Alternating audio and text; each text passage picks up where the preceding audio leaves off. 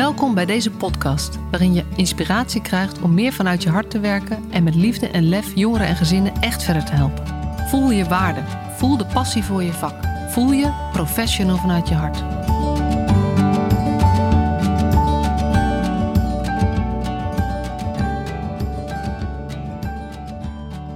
Hey, wat leuk dat je weer luistert. Een nieuwe aflevering van de Professional vanuit je hart podcast. En eentje waar ik heel erg naar uit heb gezien, eh, mag ik wel zeggen. Want vandaag ga ik in gesprek met Sharon Stellaert. Ik weet niet of je al van haar gehoord hebt. Um, zo niet, dan uh, is deze podcast extra reden om ernaar uh, om te gaan luisteren. Want Sharon uh, heeft zeven jaar zich verdiept in de geschiedenis van de jeugdzorg en van het onderwijs. en heeft daar een proefschrift over geschreven. En zij heeft zich met name verdiept in hoe zit het nou met alle hervormingen en uh, hoe dragen die nou bij aan een betere praktijk. Dat was eigenlijk de insteek. En uh, nou ja, we hadden het er net al even over dat iedereen die al wat langer meedraait in onze sector ook het gevoel heeft dat we soms dezelfde dingen aan het doen zijn in, uh, met andere woorden.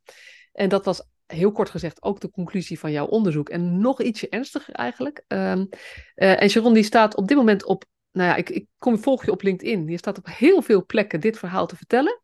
Op podia van congressen, uh, op heel veel dingen. Maar, maar um, het is ook materie die nog niet altijd terecht komt bij uitvoerend hulpverleners, want die gaan meestal niet naar die congressen. Dus ik vond het heel belangrijk um, om deze kennis, jouw inzicht, jouw conclusies, schrikbarende conclusies, te delen met, uh, uh, met iedereen zoveel mogelijk. Dus dank je wel dat jij te gast wil zijn. Ja, graag gedaan. Ja, uh, en oh ja, we gaan het vast nog zeggen, maar het, het proefschrift en ook het boek heet Boemerangbeleid. En de term mag ja. je straks uh, gaan uitleggen, want dat vind ik briljant gevonden. Maar voordat we jouw inhoud induiken, ben jij eigenlijk een uh, professional vanuit je hart? Ja, ik denk dat iedereen daar vast wat anders onder zal verstaan. Maar ik denk wel dat je mij zo kan typeren. Ik ben in 2003 ben ik de jeugdzorgsector ingestapt. En sindsdien ben ik eigenlijk altijd um, bezig geweest met hoe kun je uh, het goede doen voor de kinderen. Uh, en dat heeft mij steeds weer op andere plekken gebracht. En uiteindelijk ook uh, tot mijn promotieonderzoek. Dus dat is eigenlijk wel de, de hele rode draad in mijn carrière. Dat ik eigenlijk continu met een verwondering heb rondgelopen. Van hé, hey, hoe gaat dit? Um, hoe werkt het? Um, wat is de betekenis ervan voor de kinderen, de jeugdigen, de gezinnen? En als ik merkte van hé, hey, dat, dat uh, zit voor mij niet helemaal zoals het zou kunnen zijn, dan ging ik weer uh, proberen iets te verbeteren of te veranderen uh, of te onderzoeken. Dus dat is eigenlijk wel een beetje hoe ik in elkaar steek. maar de intentie is wel elke keer terug bij kind, jeugdige ouders, maar ook samenleving in het algemeen, denk ik, van doen we de goede dingen. Ja. Ja, en, en je vertelde al even dat, dat je, je hebt onder andere bij een crisisopvang voor jongeren. Ja. En dat... Zo ben ik begonnen. Ja, of Zo ben je begonnen. Uh, ja, en daar, ja. daar heb je al, uh, uh, nou ja, je begon daar op een bepaalde manier en je ging op een andere manier daar weg. Ja, ik denk dat dat, dat, dat ook wel iets is wat een, een soort kritiek punt is geweest in mijn loopbaan. Dat misschien als ik op een andere plek in de sector was binnengestapt, dat het ook heel anders was gelopen.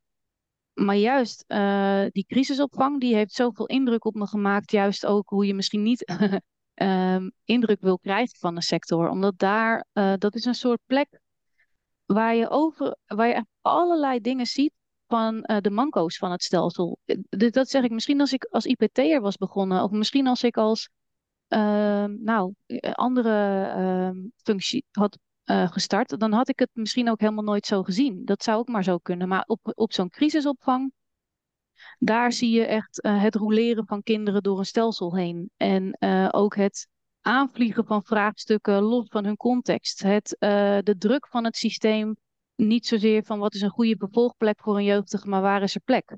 Uh, dat soort dynamieken, die zie je zo goed in een crisisopvang. En nou ja, ik heb mijn jaarstage, zoals je dat toen liep, het duurde negen maanden. En sommige kinderen heb ik drie keer teruggezien. Dan hadden ze drie keer rondje Nederland gemaakt.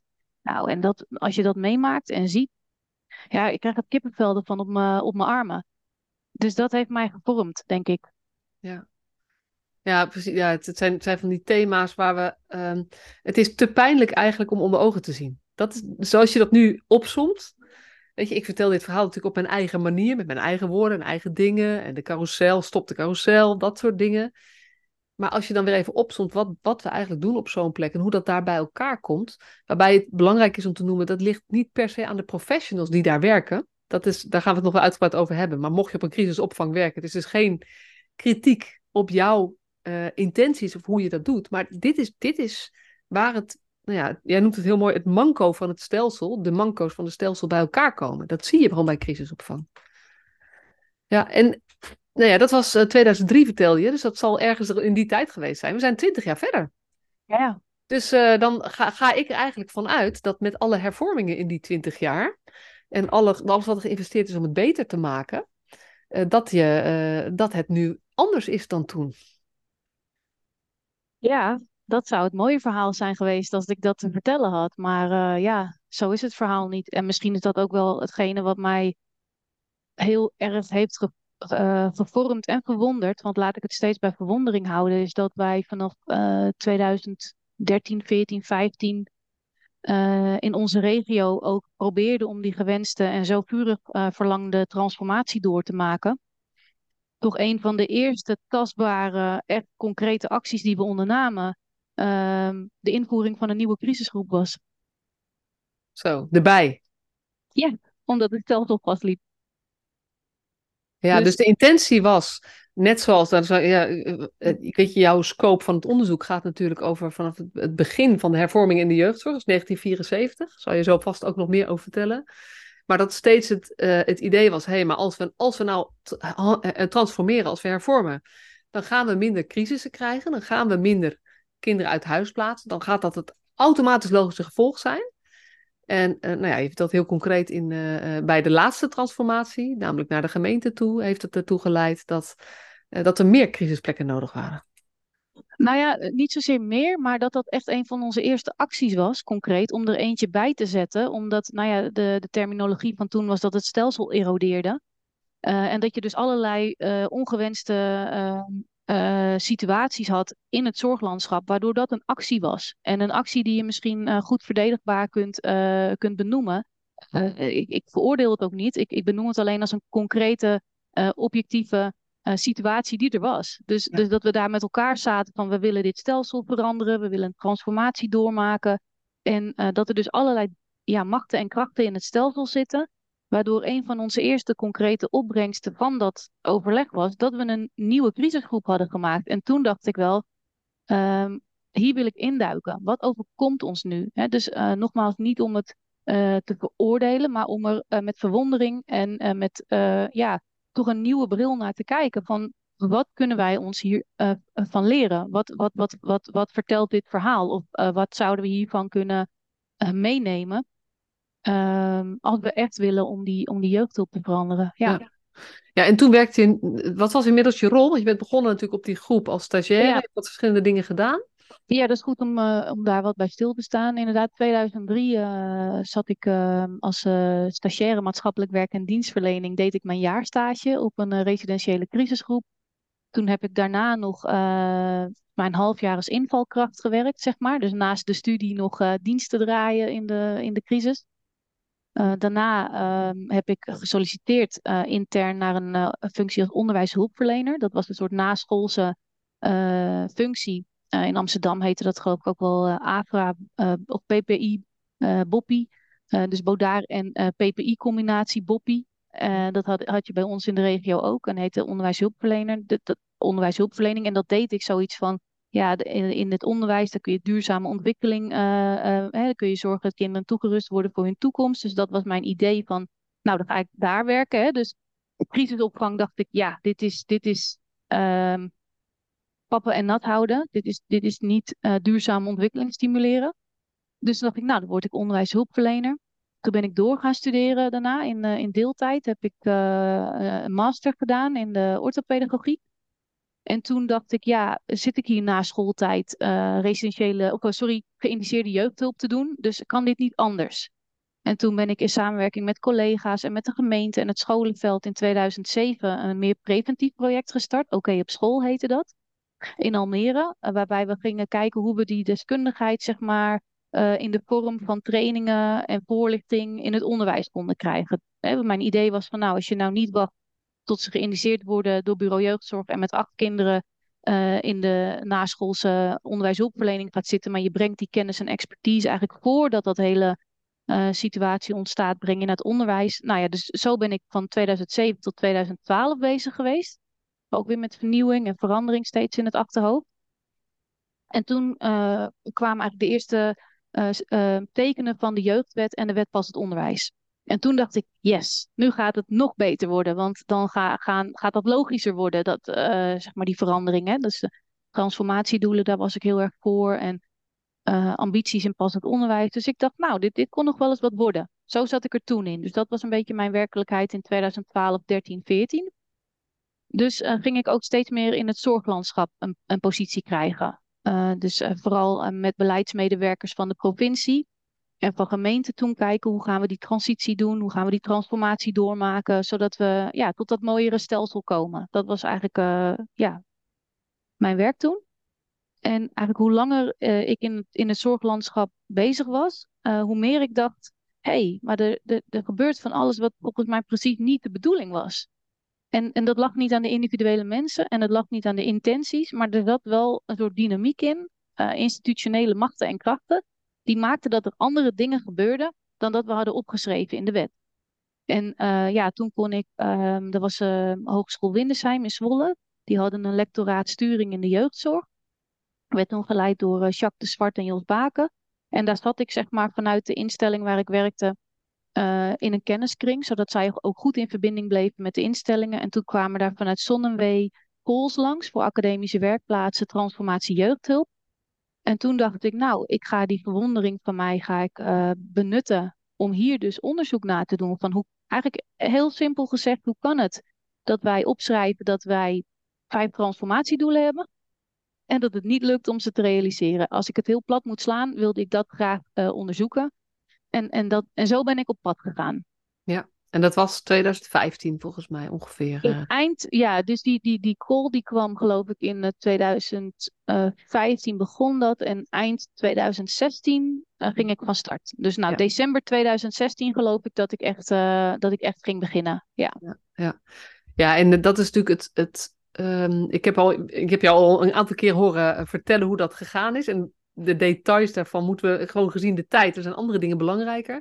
Maar jij hebt gewoon zeven jaar lang zes, zeven jaar lang je verdiept in, nou ja, de geschiedenis en allerlei andere frames van wat is er nou gebeurd in die hele jeugdzorg en onderwijs, passend onderwijs uh, stuk. Ja, en, en, wel specifiek, zeg maar, heb ik gekeken naar de hervormingsgeschiedenis. Want, want er zijn uh, nou ja, echt boekenkasten vol over de geschiedenis in het algemeen. Ik heb specifiek gekeken naar de hervormingsgeschiedenis. Dus, dus eigenlijk in de notendop, wanneer is Nederland begonnen met het hervormen van de jeugdzorg?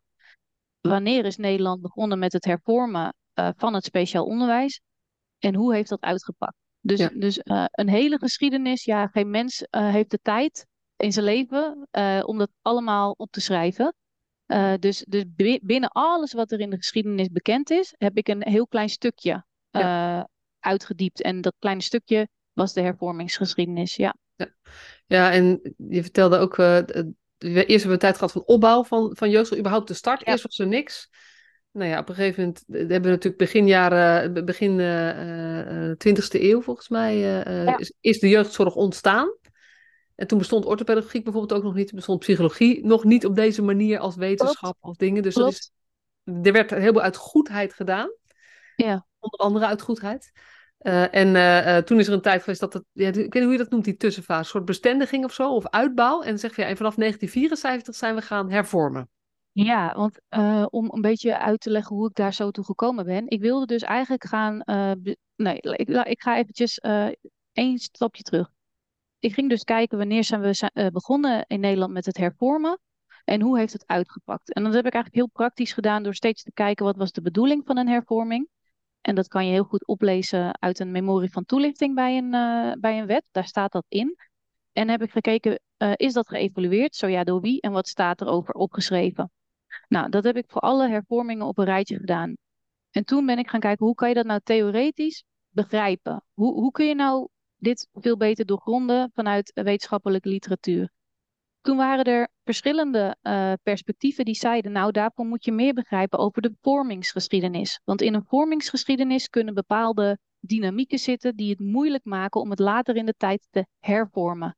En zodoende heb ik één hoofdstuk ook opgenomen in mijn proefschrift over de vormingsgeschiedenis, omdat daar dus elementen in kunnen zitten die het later in de tijd moeilijker maken om het te hervormen. Uh, dus eigenlijk als je vraagt van welke film heb jij in je hoofd, dan heb ik een film in mijn hoofd die begint in 1900 en, en die eindigt, uh, nou wat leven we vandaag, 29 juni 2023. Dus dat is de film die ik in mijn hoofd heb vanuit het frame hervormen. Dus er zijn, nou ja, je kunt nog 30, 40.000 andere frames bedenken, maar dat is eigenlijk de lens die ik heb gekozen van hoe verhoudt die vormingsgeschiedenis zich tot de moeilijkheden van onze hervormingsgeschiedenis. Dus dat kleine stukje, dus zo bescheiden moet je het ook houden, dat kleine stukje uh, heb ik geprobeerd iets meer zicht op te krijgen. Ja. ja, en dat is ook zo leuk aan wetenschappers. Hè? Die, uh, uh, ik, ik vat het dan groot samen en alle wetenschappers zullen zeggen van ja, dat is wel waar, maar ik heb er maar een klein stukje van. Weet je, dat, het is ook zo, wetenschappelijk gezien is het ook een heel klein stukje. Maar het is wel um, zo diepgravend of eigenlijk toch zo alomvattend als jij ernaar gekeken hebt. Ja, het is wel heel wezenlijk. Dat ben is heel wezenlijk, ja. ja. En ja, kan, je eens, dus... kan je eens vertellen over wat je hebt ontdekt en, en wat je, ja, meteen naar conclusies is wel een hele grote stap, maar kan je daar eens iets over zeggen? Sharon kijkt heel nadenkend. Ja, Hoe ga ik dit ja, kort vertellen? zeker, zeker. En dat is tegelijk ook de puzzel, want uh, het is zoveel om te vertellen. Ja. Dus eigenlijk het eerste wat ik wil vertellen is dat er tijd nodig is voor dit verhaal. Um, uh, ik, ik, heb zeven jaar uh, zeg maar, op een zolderkamer gezeten met dit verhaal. En dan ga je het steeds op een dieper laagje begrijpen. Dus dat is eigenlijk ook wat ik mijn collega's gun. tijd om dit verhaal te leren kennen. Um, ik merk ook als je het te snel wil vertellen, of als je daar haast bij hebt, of je hebt weinig tijd, dan, dan kijken mensen je aan van nou, nee. Dus, dus er zitten ook zeg maar, stukjes in onze vormingsgeschiedenis die we elkaar niet zo goed doorvertellen. Waardoor als je dat opnieuw gaat vertellen, dat mensen echt denken, nou, dat, dat, dat, nee, nee, weet je wel. Dus de, um, onze vormingsgeschiedenis van de jeugdzorg, daar zitten elementen in uh, die we en in onze opleidingen en in onze um, uh, nou ja, professionele situatie ja, gewoon een beetje vergeten zijn. En een beetje in het taboes weer zijn geraakt misschien ook. Dus als je dat zo ineens zo eruit wil uh, gooien, dan is dat nogal wat. Dus eigenlijk is het eerste wat ik zou willen, een pleidooi voor zou willen doen, is tijd reflectietijd. Want als je dat allemaal zo eruit knalt, dan, uh, dan is het misschien, gewoon, misschien ook even een beetje te veel.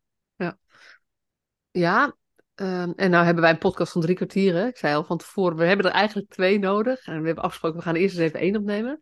Ja, we hebben tijd nodig. En toch, uh, sommige dingen, ik verwonder me natuurlijk ja, ook over een aantal zelfde dingen als jij. En rapport de winter noem ik al vaak in deze uh, podcast, omdat dat ja, ik had een documentaire Alicia, die heeft bij mij veel gedaan. Uh, je had Samson al, maar dat is wat meer aan mij voorbij gegaan. Dus dat ik blijkbaar in een wat andere hoek. Maar dan hebben we, 2012. Het, ja, 2012. Het gaat over omringd door zorg en toch uh, niet veilig uit mijn hoofd, Precies, rapport. Ja, ja, ja. En, en, en, dan heb je rapport ja. de winter. En, en nou ja, dat vind ik dus dan zo'n voorbeeld. Ook, ik denk dat veel luisteraars van mij in, inmiddels dat wel kennen. Dat is zo'n voorbeeld van zo'n taboe. Dat de intenties om in te grijpen in gezinnen en voor kinderen te zorgen en kinderbescherming te hebben, is vanuit de intentie van ja, maar we willen niet dat kinderen gevaar lopen. Wij hebben een morele plicht en die nemen wij als overheid om voor die kinderen te zorgen. Maar het taboe is dat in de zorg voor deze kinderen net zo goed geweld voorkomt als in de gezinnen waar ze oorspronkelijk uitkwamen. Is dat, is dat een voorbeeld van zo'n taboe wat je bedoelt? Ja, zeker. Want, uh, nou, en meerdere hoor. Kijk, dus uh, ik heb dus ook uh, goed naar dat, de, de begin van de film gekeken. En, en nogmaals, ik heb de begin. Als je, als je, dus ik, ik zit in een film. en die film begint bij de vorming van ons geïnstitutionaliseerde jeugdzorgstelsel. Dus wanneer is de staat zich ermee gaan bemoeien? Want dat moet je er dan ook gelijk bij vertellen. We hebben al heel, we hebben al eeuwenlang hebben we burgerweeshuizen. We hebben al eeuwenlang iets als pleegzorg. Alleen de staat is er, zich er pas eigenlijk mee gaan bemoeien vanaf het begin van de 20e eeuw. Uh, en, en dat is de film die ik heb gekeken van uh, wat uh, is er gedaan, waarom is dat gedaan en steeds is het geëvalueerd en hoe heeft het uitgepakt en, en, en alleen maar dat. Maar als je dat, alleen maar dat op een rijtje zet, dan leer je dus eigenlijk ook gezichten van ons stelsel kennen. Ehm, ja, dat zijn ook wel minder leuke gezichten. Nou, en kom dan kijk je misschien ook liever van weg. Nou, wat ik bijvoorbeeld ontdekt heb en wat ik me nooit gerealiseerd heb, is dat eh, wij onze kinderbeschermingsmaatregelen ehm, hebben ingevoerd in een tijd dat in ons land het censuskiesrecht gold. Ik weet niet of je dat wat zegt, censuskiesrecht? Nee. Nee. dus jij gaat mij nu ook iets nieuws vertellen, ja. Ja, censuskiesrecht betekent dat jij pas mee mag bepalen als je ook mee kunt betalen. Dus alleen de burgers die een bepaald bedrag aan belasting konden betalen, die konden beslissen of wetten werden ingevoerd of niet. En bij burgers moet ik zeggen mannen. Ja. Want er gold ook geen vrouwenkiesrecht en geen algemeen kiesrecht. Hè? Want uh, in 1905 zijn de kinderwetten ingevoerd en wij hadden toen de censuskiesrecht, wat eigenlijk betekent dat alleen maar uh, mannen met een bepaalde inkomen konden uh, stemmen of bepaalde maatregelen er wel of niet doorheen kwamen. Uh, dus die kinderwetten die zijn um, goedgekeurd in een periode door mensen die het goed hadden, voor mensen die het niet goed hadden. Ja. Ja, ja ik hoor al uh, nou ja, Joris Luijendijk, de zeven vinkjes. Uh, wie, wie bepalen er nu beleid voor wie? Dus het is zelfs breed. Je hebt je gericht op jeugdzorg. Je zal ook niet je buiten het pad begeven. Maar ik zie allerlei parallellen met andere uh, uh, beleidsdomeinen. Ja. Oké, dus dat is al zo'n zo'n dingetje. Ja. Nou, dat, dat vond ik wel heel belangrijk. Zo Ja. van, goh, wat zijn daar nu implicaties van? En vooral omdat de eerste oplossingsrichting eigenlijk heropvoeding was. Ja. Heropvoeding. Nou ja, neem, gewoon laat dat woord even binnenkomen. Ja. Ja. Ja, ja dit is. eh, Ik heb een podcast opgenomen met Jolanda uit Beiersen ook. Eh, en zij is, eh, zit ook op het, op het tussen jeugdstrafrecht en jeugdbeschermingsrecht. Die zich ook verwondert over. En verwonderd is ook weer zo'n mooi woord, hè, want jij gebruikt ook verwonderen. Maar eigenlijk is het verontwaardiging, boosheid en alles wat erbij komt ook. Want je verwondert je over dingen die ook gewoon echt heel maf zijn dat dat gebeurt. En dat heeft zij eigenlijk ook bijvoorbeeld met betrekking tot het heropvoeden. Wat zijn we aan het doen eigenlijk? Ja. Ja. En dat is heel erg wezenlijk. Ja. Eh, dat is heel erg wezenlijk. En ook als je kijkt waar dan later bepaalde eh, disciplines vandaan zijn gekomen. En, en eh, misschien is het ook wel goed om dat boek te noemen waarvan ik dit allemaal geleerd heb. Bijvoorbeeld Vijf eeuwen opgroeien. sorry, Vijf eeuwen opvoeden in Nederland is een, is een boek wat toch ook best wel in veel opleidingen zit. Ehm, maar als je ehm, bedenkt, zeg maar, dat ehm, als er vroeger, zeg maar, ehm, een kind naar een heropvoedingstehuis werd verwezen, dan had je daar verschillende eh, vormen van. Je had rijksopvoedingsgestichten en je had tuchtscholen. Ja. En tuchtscholen waren dan echt, eh, nou ja, voor de hele jonge boefjes. Daar gold overigens geen minimumleeftijd voor, geen minimale leeftijd. En rijksopvoedingsgestichten, dat was wat van kortere duur en vooral heropvoeding. Alleen de rechters in die periode eh, wisten niet goed het onderscheid. Waardoor het voorkwam dat hele jonge kinderen tot jarenlange tucht, tuchtstraffen werden veroordeeld. Eh, ik zeg ook gewoon straffen, eh, want als je leest over hoe dat eraan toe ging, er zijn rapporten die heten ijzer, met ijzeren vuist. Nou ja, ehm, omdat dat dus niet goed ging, dat daar heel veel fouten in waren, kwam het idee op van een eh, gespecialiseerde kinderrechter die veel beter kon overzien van wat doe ik eigenlijk? Waar, waar stuur ik kinderen nu eigenlijk naartoe? Nou, ik heb heel veel kinderrechters ontmoet die dit, die deze, die dit deel van de geschiedenis niet kennen. Dus van waarom hebben wij bepaalde beroepen? Waarom hebben wij bepaalde professies? Ehm, wat leert dat ons over onze geschiedenis en ook over wat er in een stukje in het DNA van onze sector zit? Ja. En dat, Tuurlijk is er eh, veel veranderd, hè? Dus, Ja. dus de, de- tuurlijk is er heel veel veranderd. Dus, de, dus, eh, en nee, eh, we leven niet meer in die tijd. Maar het is wel goed om te weten dat die tijd er geweest is.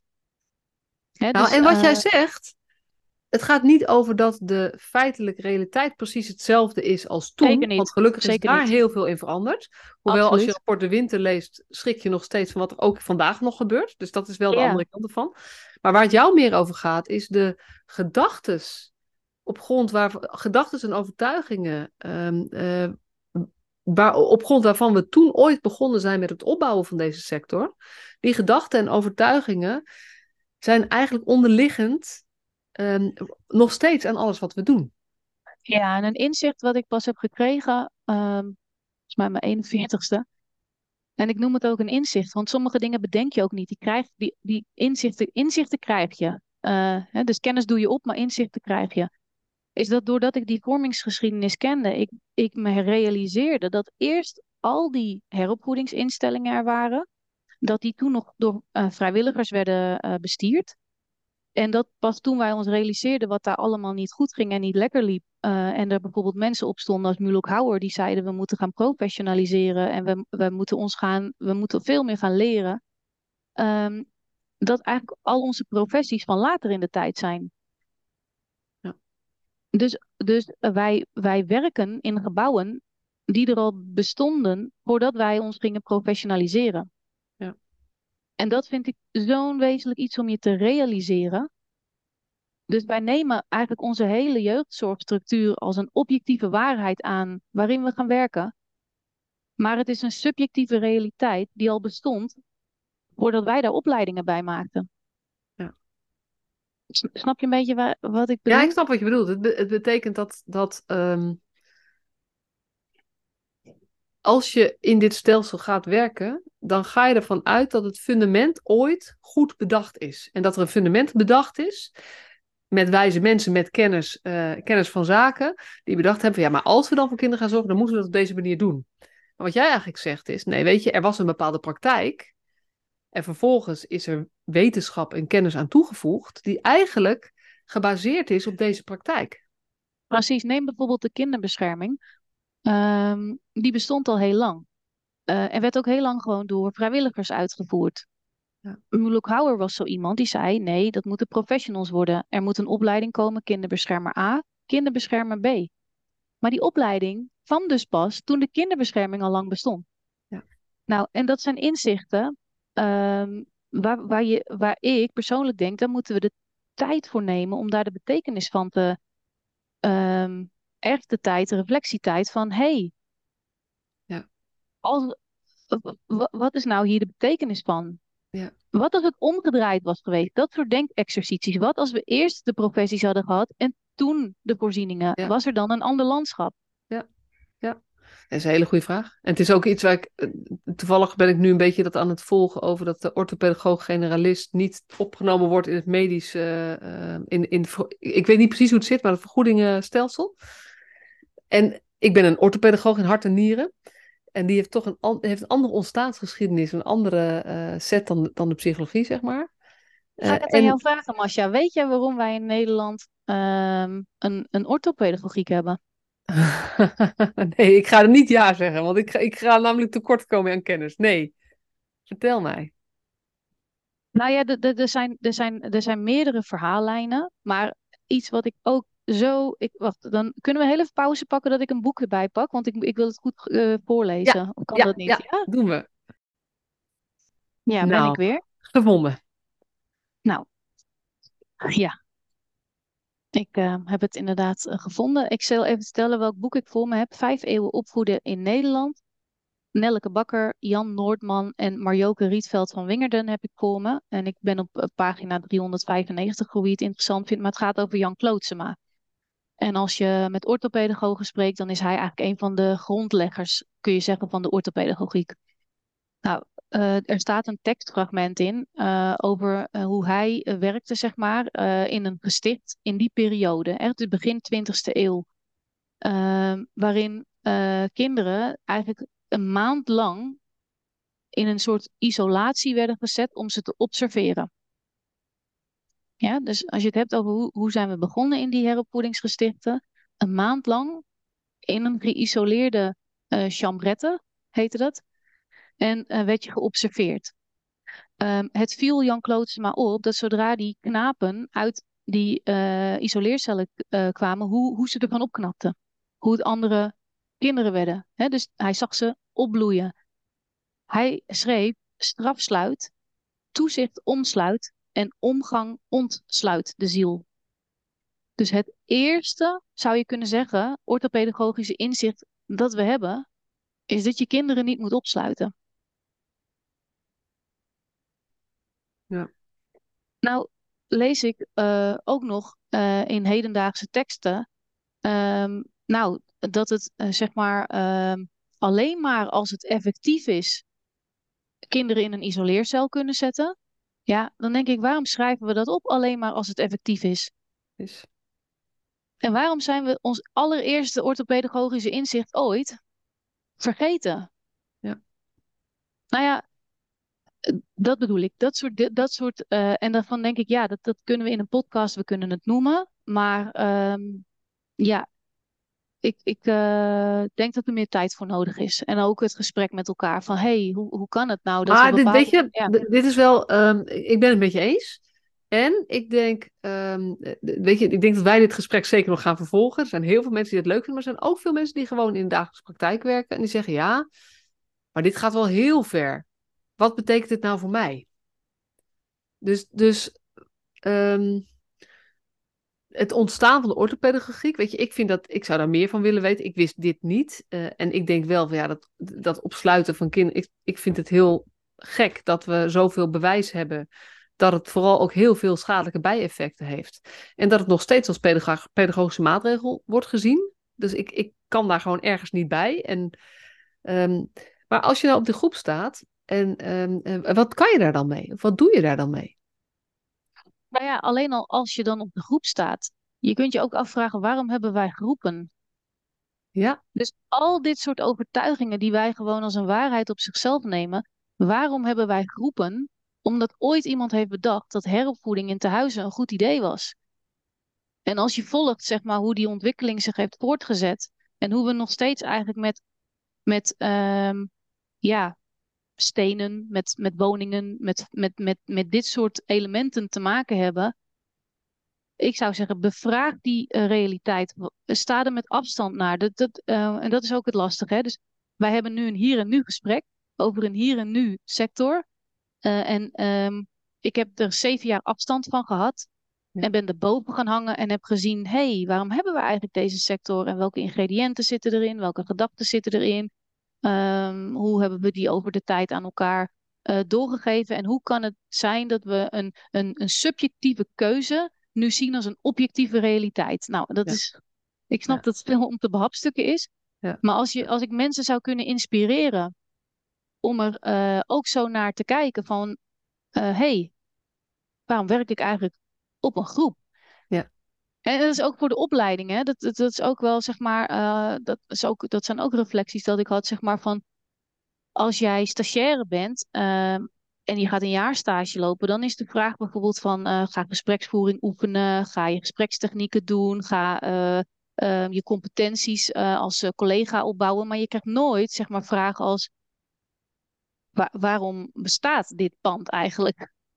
Hè? En, en, en waarom ga ik daar iets doen? Uh, als, als dat eigenlijk al in zichzelf iets is waarvan wij vanuit pedagogiek zeggen, ja, ja je moet kinderen in hun context uh, en bij gezinnen thuis. En dat zijn dus ook allemaal van die rariteiten dat ik nu denk, ja, dan gaan we allerlei programma's opzetten om geweld in de jeugdzorg te verminderen, om seksueel misbruik in de jeugdzorg te verminderen.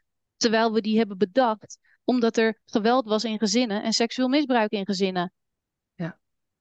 Ja, en dat is, dat is natuurlijk dat boemerangbeleid, om dat woord toch even naar voren te komen. Dat, als ik zeg maar, um, want dat is, jij zit er natuurlijk zo diep in dat jij achter alles heb je nog weer een diepere uitleg. Maar als ik het heel, als ik het zelf oppervlakkig probeer samen te vatten, dan is het dat jij zegt van ja, weet je, we hebben de vormingsgeschiedenis, die moet je kennen. En op een gegeven moment is er een, zijn de hervormingen gestart. Nou, dat was in 1974 het eerste document wat jij gevonden hebt vanuit de politiek om te hervormen, was van toen. En je zegt er zijn steeds hervormingsgolven. En wat je ziet is iedere keer um, wordt er hervormd omdat er dingen niet goed gaan. En um, nou ja, dan heeft het een bepaald resultaat. En dan komt er een nieuwe hervorming om dat nieuwe resultaat weer te gaan hervormen. Zonder ja, dat ze iedere keer ja. teruggaan naar. Maar, maar wat is eigenlijk de bedoeling hiervan of zo? We zijn steeds op problemen aan het oplossen die ontstaan zijn ook bij de vorige oplossing. Ja, dat en misschien nog wel het meest wezenlijk is dat we het mentale model eronder niet hervormen. Ja. Dus wat we hervormen, dat is de, de structuren. En denk dan bijvoorbeeld aan uh, subsidiestromen of aan, uh, uh, nou, ja, allerlei van dat soort, dat soort elementen. Dus van, Stelselwijzigingen, zeg maar. Dat verantwoordelijkheden verleggen. Hè? Dus iemand anders moet ervoor verantwoordelijk worden. Iemand anders moet het gaan aansturen. Iemand anders moet ervoor zorgen dat het vaak ook beheerst wordt. Hè? Dus er zit ook altijd wel een soort beheersingselement in. Kosten beheersen. Of het moet doelmatiger of efficiënter, effectiever. Nou, dat soort elementen. Maar we komen niet aan bij het mentale model wat eronder ligt. Dat hervormen we niet. Sterker nog, we zien niet eens meer dat er een mentaal model onder ligt. En dat, dat is elke keer wat ik probeer. En misschien op armoedige manieren dat ik het probeer. Maar dat is, wat ik, uh, dat is, dat is mijn intentie. Vanuit mijn hart van uh, let op, uh, als je aan de bovenkant dingen probeert te hervormen, er ligt een mentaal model onder. En als je dat hele mentale model niet, niet ziet, ja. dan blijf je eigenlijk steeds verder iets ontwikkelen waarvan je eigenlijk ook zegt dat je ervan af wil. Dat is, dat is de paradox. Ehm, ja. dus, dus, dus wij voelen. Ja, het laatste wat je zegt is ook mooi, hè? Of mooi, ja, niet mooi, maar wel heel. Je zegt eigenlijk, doordat je het onderliggende model niet ziet, ga je aan de slag, probeer je dingen te verbeteren, maar uiteindelijk kom je steeds verder weg van wat eigenlijk je bedoeling is. Kan je dat nog wat meer uitleggen? Ja, Um, kijk, wat ik waarneem nu, en dat is nu, hè, en, en nogmaals, dat is, er zit zeven jaar buffer tussen dat ik eruit heb, dat moet ik er ook elke keer bij zetten. Ik heb zeven jaar buffertijd gehad dat ik eruit was en dat ik ernaar gekeken heb. En dat is echt, dat is, dat is wat mij nu uh, iets anders maakt dan de anderen. En ik weet zeker dat als iedereen ook die zeven jaar buffertijd had gehad, dat ik dit helemaal niet hoefde uit te leggen. Dat ik, ik ben ervan overtuigd dat heel veel mensen dit dan zouden zien. Um, en nu probeer ik dat als een soort alien terug te geven aan het veld van ik zou zo graag willen dat jullie zien wat ik heb gezien. Maar wat ik zie is dat er een soort um, verhaal uh, al, al, nou ja, echt al 50 jaar wordt verteld over hoe, dit sect hoe deze sector moet worden uh, verbeterd, veranderd, hervormd. Ik ben dat gaan zien als een verhaal, een gesprek. En wat ik eigenlijk zou willen doen is een gesprek over dat gesprek. Dus dat wij boven dat gesprek kunnen gaan hangen en kijken, hey, hoe heeft dit gesprek zich nou door die sector heen ge, ge, um, hoe zit dat eigenlijk in de haarvaten van alles wat we doen, iedere beslissing die we nemen, iedere verbetering die we opzoeken, is eigenlijk op basis van een, van een, een set aannames, overtuigingen, uh, een wereldbeeld exact. Waar we ons niet genoeg voldoende bewust van zijn. Dus we denken dat we, dat we vrij denken en op zoek zijn naar allerlei mogelijkheden. Maar eigenlijk zijn we nog steeds besmet met hoe het ooit ontstaan is. Ja, we graven ons er ook steeds dieper op in. Want hoe meer je zeg maar indicatoren gaat zoeken die erbij horen, hoe meer je met datasets gaat werken die daarbij horen, hoe meer je eigenlijk die zelfgemaakte mentale model aan het versterken bent. En je introduceert er ook steeds nieuwe mensen in. Ja. dus je ziet ook dat er steeds meer andere type mensen in onze sector komen. Uh, die aan de slag gaan met sturingsmodellen, met inkoop, met aanbestedingen. En die nemen dat hele mentale model wat eronder ligt als een waarheid als op zichzelf. Ze zien het niet eens als een, uh, als een mentaal model. En die mensen hebben ook, weet je, ik ben orthopedagoog, dus ik kijk vanuit inhoud. Maar als je, vanuit, als je dat helemaal niet als onderlegger hebt, dan stel je geen vragen bij, want dat is niet jouw deskundigheid. Ja, nou ja en dat, dat is dus zeg, zeg maar zo'n punt van uh, hoe langer een, een verhaal uh, bestaat, hoe meer mensen het zien als een waarheid op zichzelf. En, het, en die waarheid op zichzelf, die geven wij aan elkaar door. En het werkt zelfversterkend.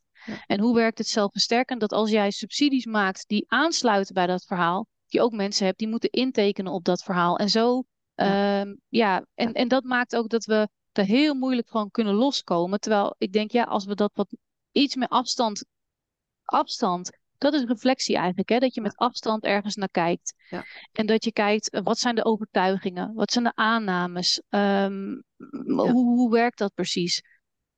Ja, ik, ik, ik, ik gebruikte toen net het woord haarvaten, dus ik zie nu dat ook voor me. En, en wat ik jou hoor vertellen is, is het probleem is, het zit zo in alle haarvaten, uh, uh, zeg maar, dat mentale model zit daarin zonder dat we het weten. En we, zijn, we zeggen wel van, hé, hey, deze kluwen van haarvaten, dat moeten we een beetje gaan verbeteren. Maar dan kijken we naar het heel kleine kluwetje van haarvaten, daar gaan we een beetje aan sleutelen. En wat nodig is, is eigenlijk echt uitzoomen dat je ziet van, verrek, maar dit was de aorta, of dit was de, um, uh, dit, dit was de hoofdader. Uh, en hier hebben we een vertakking te pakken. Hey, verrek, maar wat heeft hij nog te maken met dat of zoiets?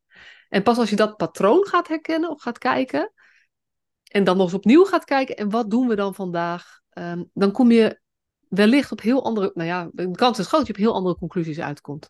Want nu gaan we steeds een, een, nou ja, een kluwtje haar, haarvaten gaan we proberen aan te pakken.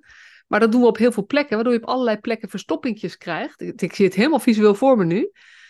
Uh, zonder dat het bijgedragen heeft aan verbetering van de realiteit. Maar dus eigenlijk verstopter geraakt.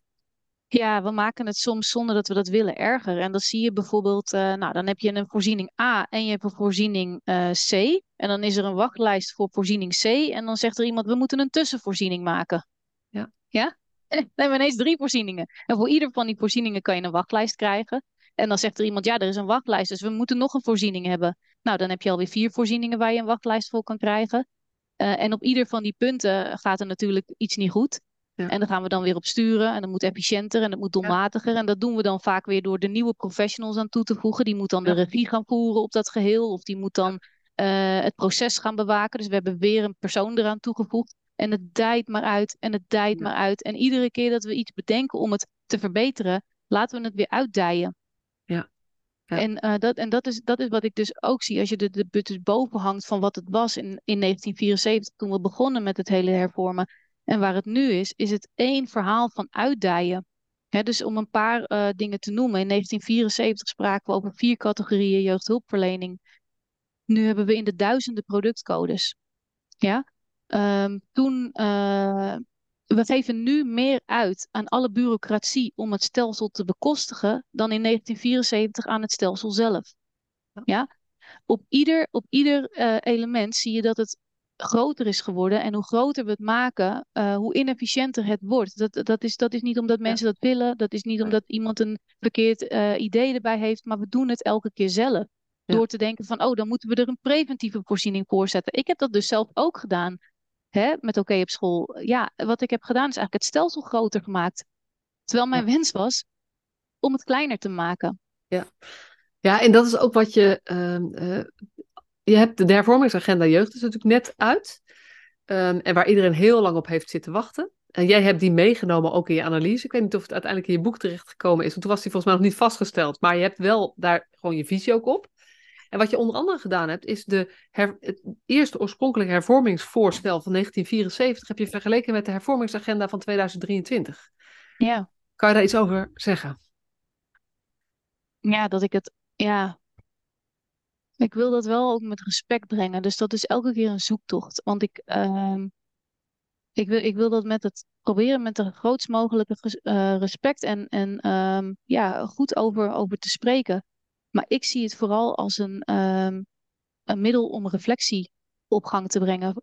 Want hoe kan het zo zijn uh, dat mensen op zwart-wit foto's hetzelfde plan bedenken als frisse mensen vandaag in het hier en nu?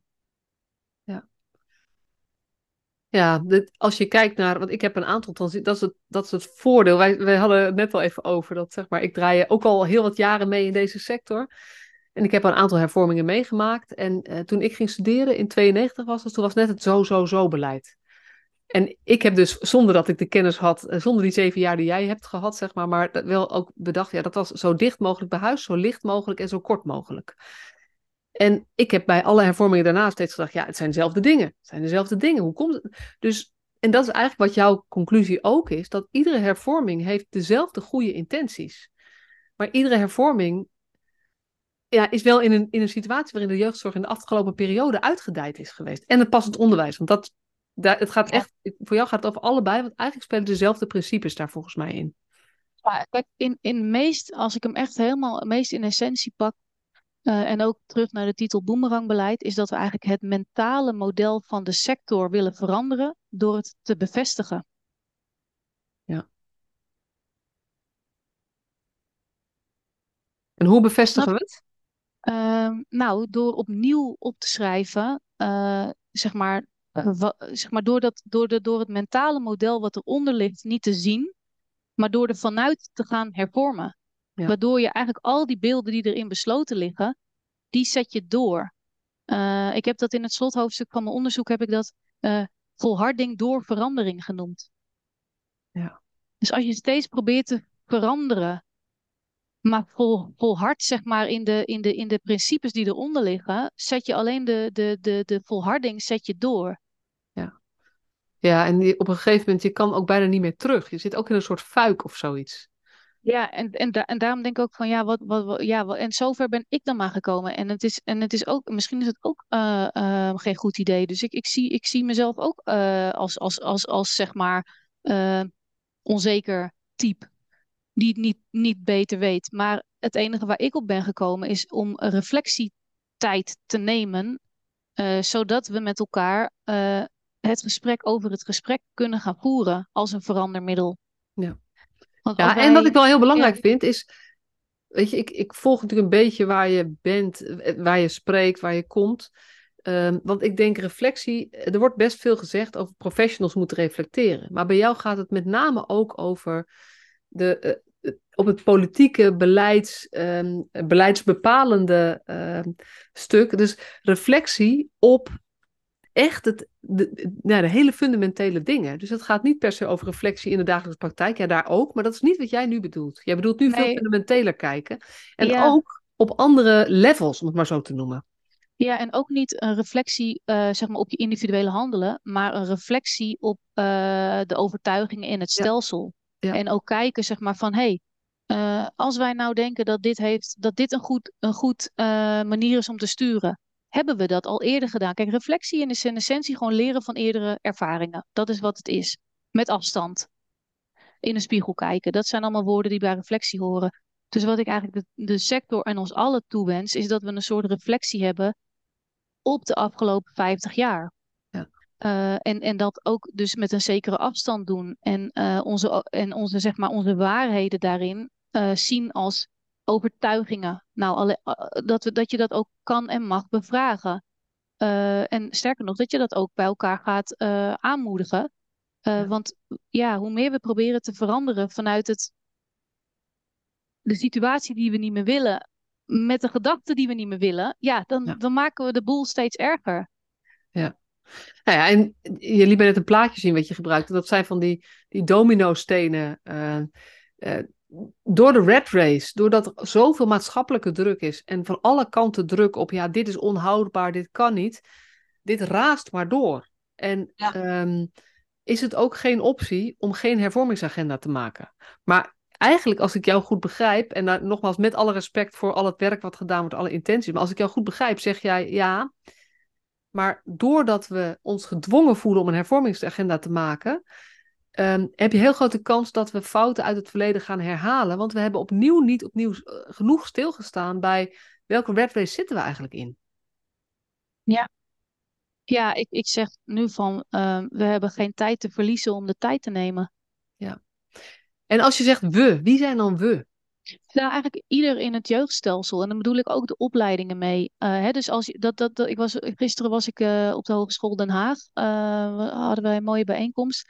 Maar ik denk ook als je studenten van school laat gaan met het eh, verhaal dat de hervormingsagenda een nieuw verhaal is, dan is dat niet goed. Je moet studenten van school laten gaan met het verhaal dat het een 50 jaar oud verhaal is. Dan gaan zij anders het veld in. Um, het gaat ook over uh, ons als professionals. Van, uh, kunnen, we nog met, kunnen we de distantie creëren tussen onszelf en onze gedachten? En, en zien dat onze gedachten eigenlijk niet van onszelf zijn, maar al heel lang bestaan. Ja. Uh, dus distantie tussen, tussen je eigen. En ik denk als één sector daar toch goed in moet zijn, dan zijn wij het. Weet je wel? Dat is ook nog de grap ervan. Van ja, wij zijn, wij zijn dit. Wij zijn in gezinnen en wij zeggen van. Je, je kunt zeg maar patronen doorbreken als je ze herkent en erkent. Hè? Dus eigenlijk geef ik de, de adviezen die wij aan gezinnen geven, geef ik ook aan de sector. Van sta stil.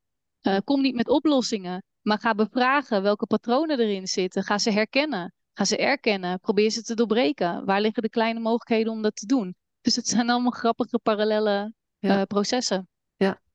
ja, en dat is ook wel het bijzondere dat wij elkaar net spraken. Weet je, ik roep natuurlijk heel vaak stop met redden. En ik heb het altijd over, we moeten een paradigma shift gaan krijgen. En we moeten daar nog eens goed over doorpraten. Of we daar nou dus, weet je, of ik weet niet of we precies hetzelfde bedoelen. Ik heb niet die zeven jaar reflectietijd gehad, maar dit is ook een inzicht of zo. Maar ergens zit gewoon de reddersgedachte zo enorm verweven overal in, ons, in onze sector dat het ook geen optie is om niet te redden. En ehm, een paradigma is natuurlijk een set van overtuigingen. En jij zegt eigenlijk hetzelfde. Ja, die, die set van overtuigingen, die we al jarenlang um, hetzelfde zijn, daar moeten we met elkaar over hebben. Van, kloppen die eigenlijk wel? En gaan we, als we doorgaan met op dezelfde overtuigingen hervormen, dan, ja, dan is heel groot kans dat we hetzelfde resultaat krijgen, namelijk meer jeugdzorg en meer gedoe en wachtlijsten in plaats van minder. En daarom denk ik ook, het gaat niet alleen over jeugdzorg, want het is natuurlijk, ouderenzorg hebben hetzelfde probleem. Uh, alle zorgsectoren hebben dit probleem volgens mij. Uh, waarbij op dezelfde manier aan de knoppen geprobeerd gedraaid te worden. De zin klopt niet, maar je snapt wat ik bedoel.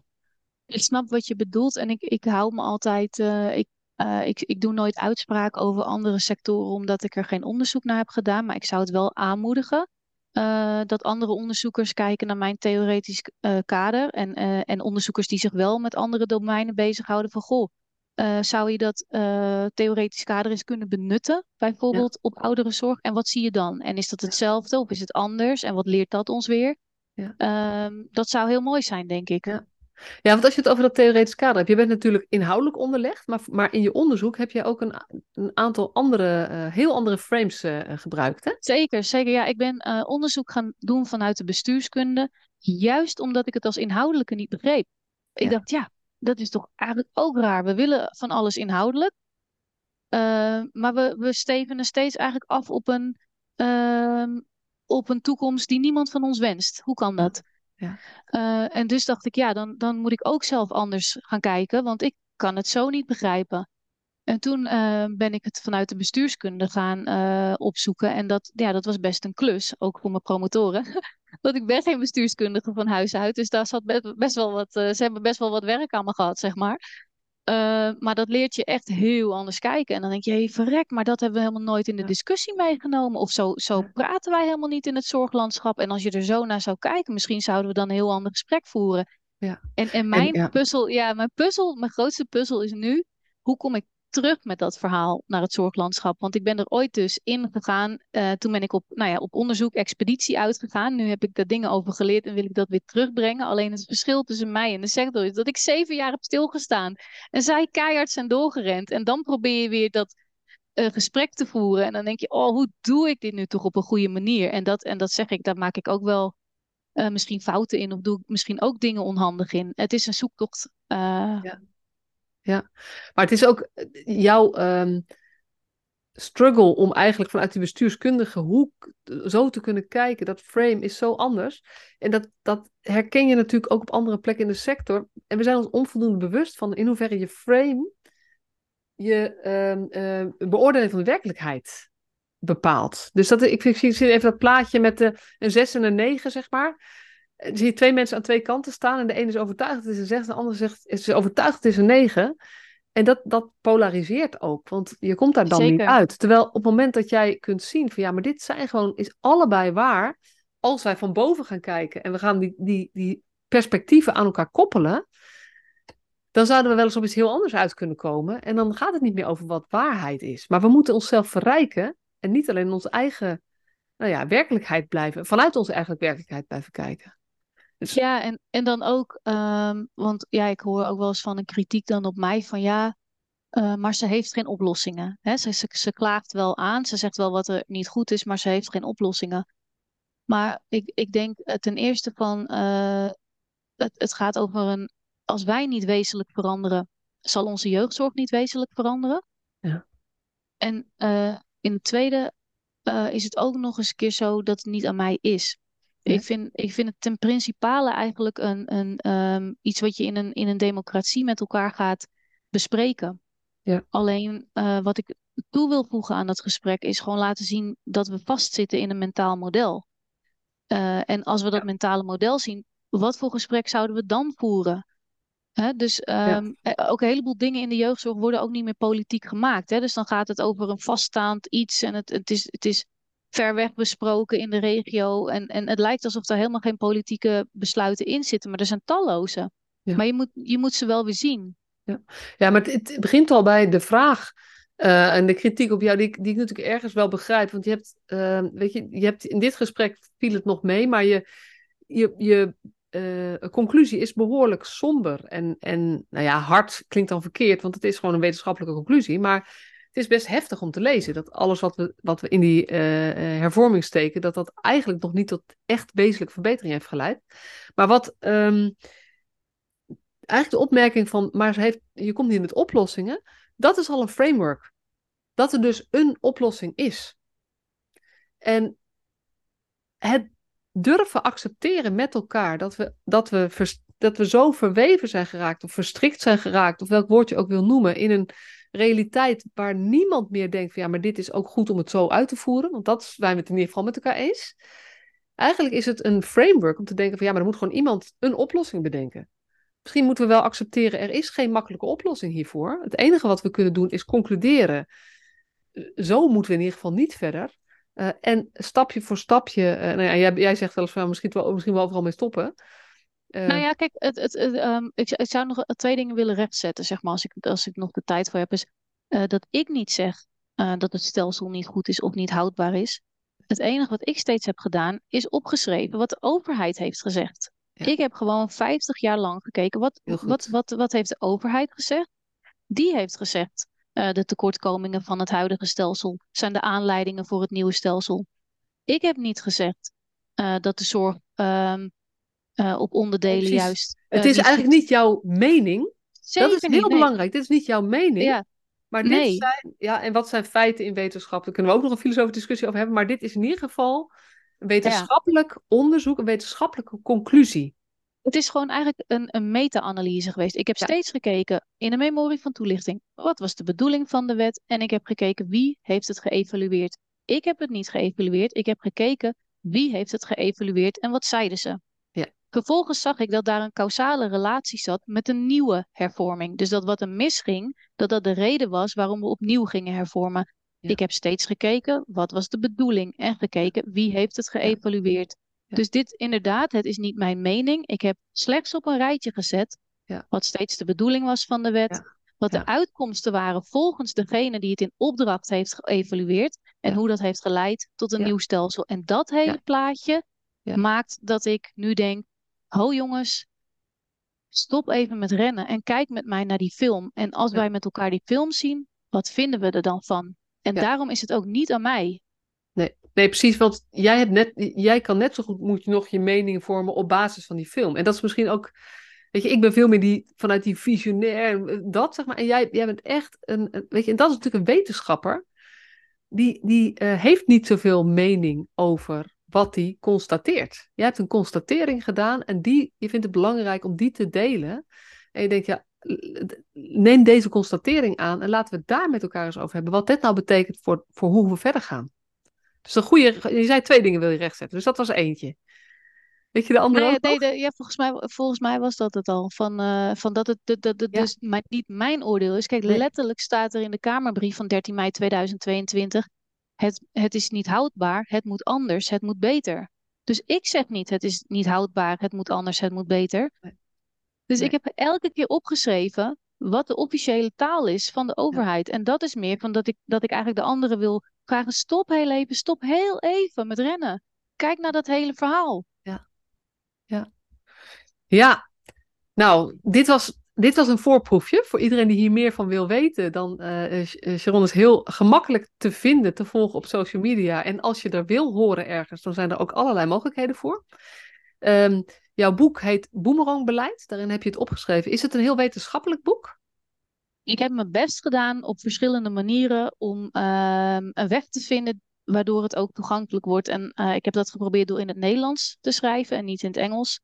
Door er een boek van te maken en geen artikelen. En door ook te werken in hoofdstuk 3 met verhalen.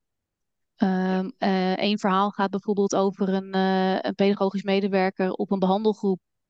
Dus eigenlijk ook om steeds die theorie te verbinden aan mensen van vlees en bloed. Van hoe ziet dat er dan uit en wat bedoelt ze daar dan mee? En ja, ik hoop op die manier dat ik het uh, ja, toch voor, voor, voor uh, nou ja, wetenschappelijke begrippen enigszins toegankelijk heb gemaakt. Dat was in ieder geval mijn intentie. Ja, ja en wetenschappelijke literatuur ook uh, voor het publiek toegankelijk gemaakt is natuurlijk wel, weet je, het is nadenkliteratuur. Dat is gewoon, uh, daar moet je wel op instellen. Het boek is te bestellen op allerlei plekken, zo rond de 40 euro volgens mij. En je vertelde dat vanaf september is er een PDF beschikbaar. Ja, dat is 8 september, want dan zitten we zes maanden na mijn promotie. En dan is hij gewoon te downloaden vanuit de bibliotheek van de VU.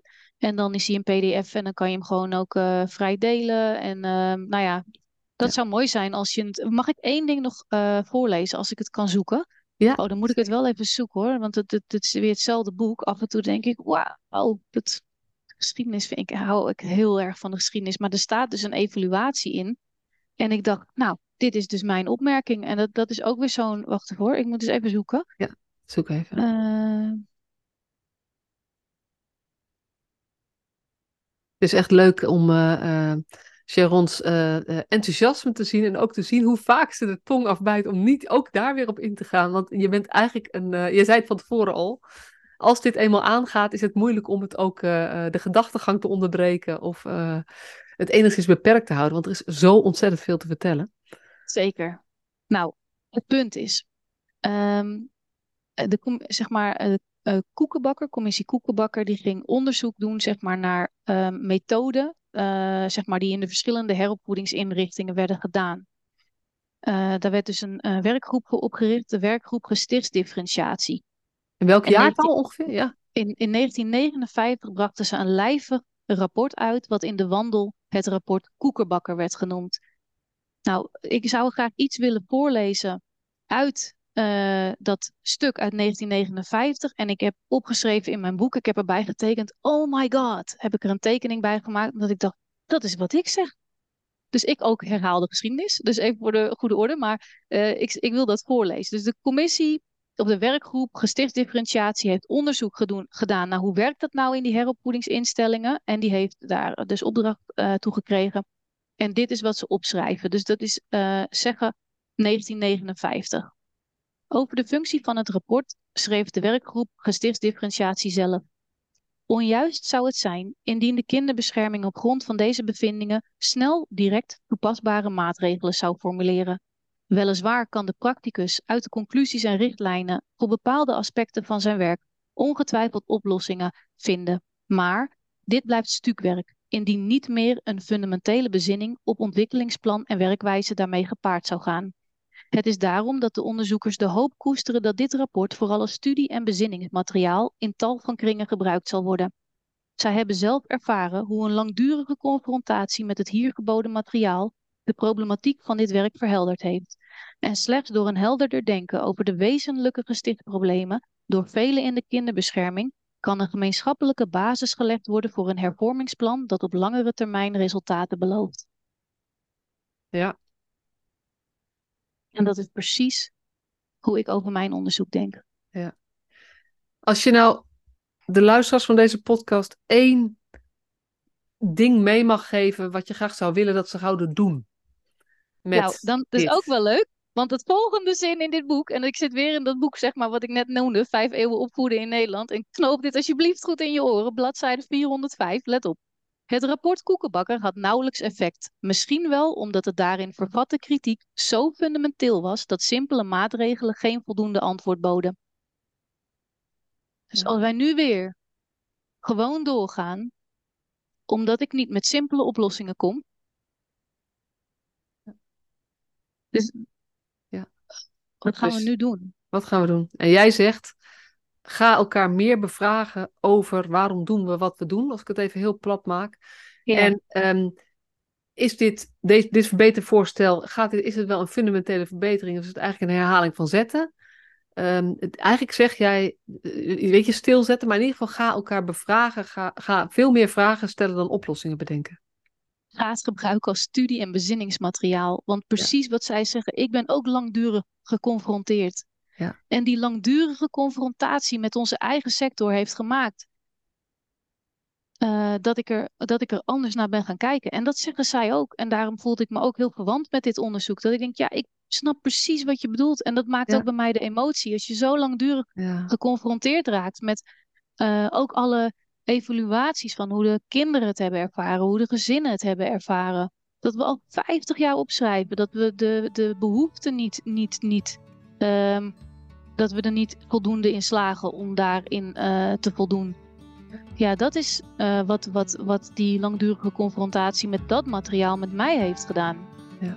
ja.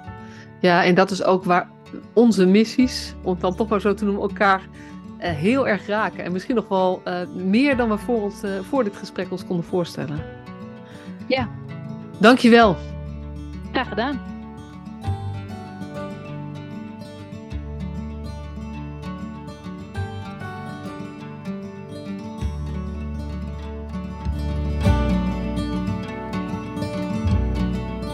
Superleuk dat je weer luisterde naar deze podcast. Dankjewel. Nog even kort een paar belangrijke dingen. Ten eerste, het is mijn missie dat de jeugdhulp weer een sector wordt waarin bevlogen, liefdevolle professionals jongeren en gezinnen echt verder helpen. Daarom maak ik deze podcast voor jou. Wil jij deel uitmaken van deze beweging van Professional vanuit je hart, waarin professionals elkaar steeds opnieuw inspireren? Begin dan met het lezen van mijn boek. Je kunt de eerste hoofdstukken helemaal gratis lezen. Ga naar professionalvanuitjehart.nl/slash boek. Ten tweede, wil je alle podcastafleveringen overzichtelijk onder elkaar? Abonneer je dan op deze podcast. Klik in je podcast-app op de button subscribe of abonneren. En elke keer als er een nieuwe podcastaflevering gepubliceerd wordt, ontvang je automatisch een berichtje. Ten derde, ondersteun je mijn missie? Geef me dan een review via je podcast-app, bijvoorbeeld iTunes of Spotify. Op die manier kan ik nog meer professionals bereiken. En ken je een collega voor wie deze podcast ook interessant is? Dan zou het super zijn als je hem of haar de podcastaflevering doorstuurt. Bijvoorbeeld door de link te kopiëren via Spotify. Ik vind het altijd heel leuk om berichtjes te ontvangen van luisteraars om te horen wat je van een podcast vindt, of als je misschien vragen of suggesties hebt.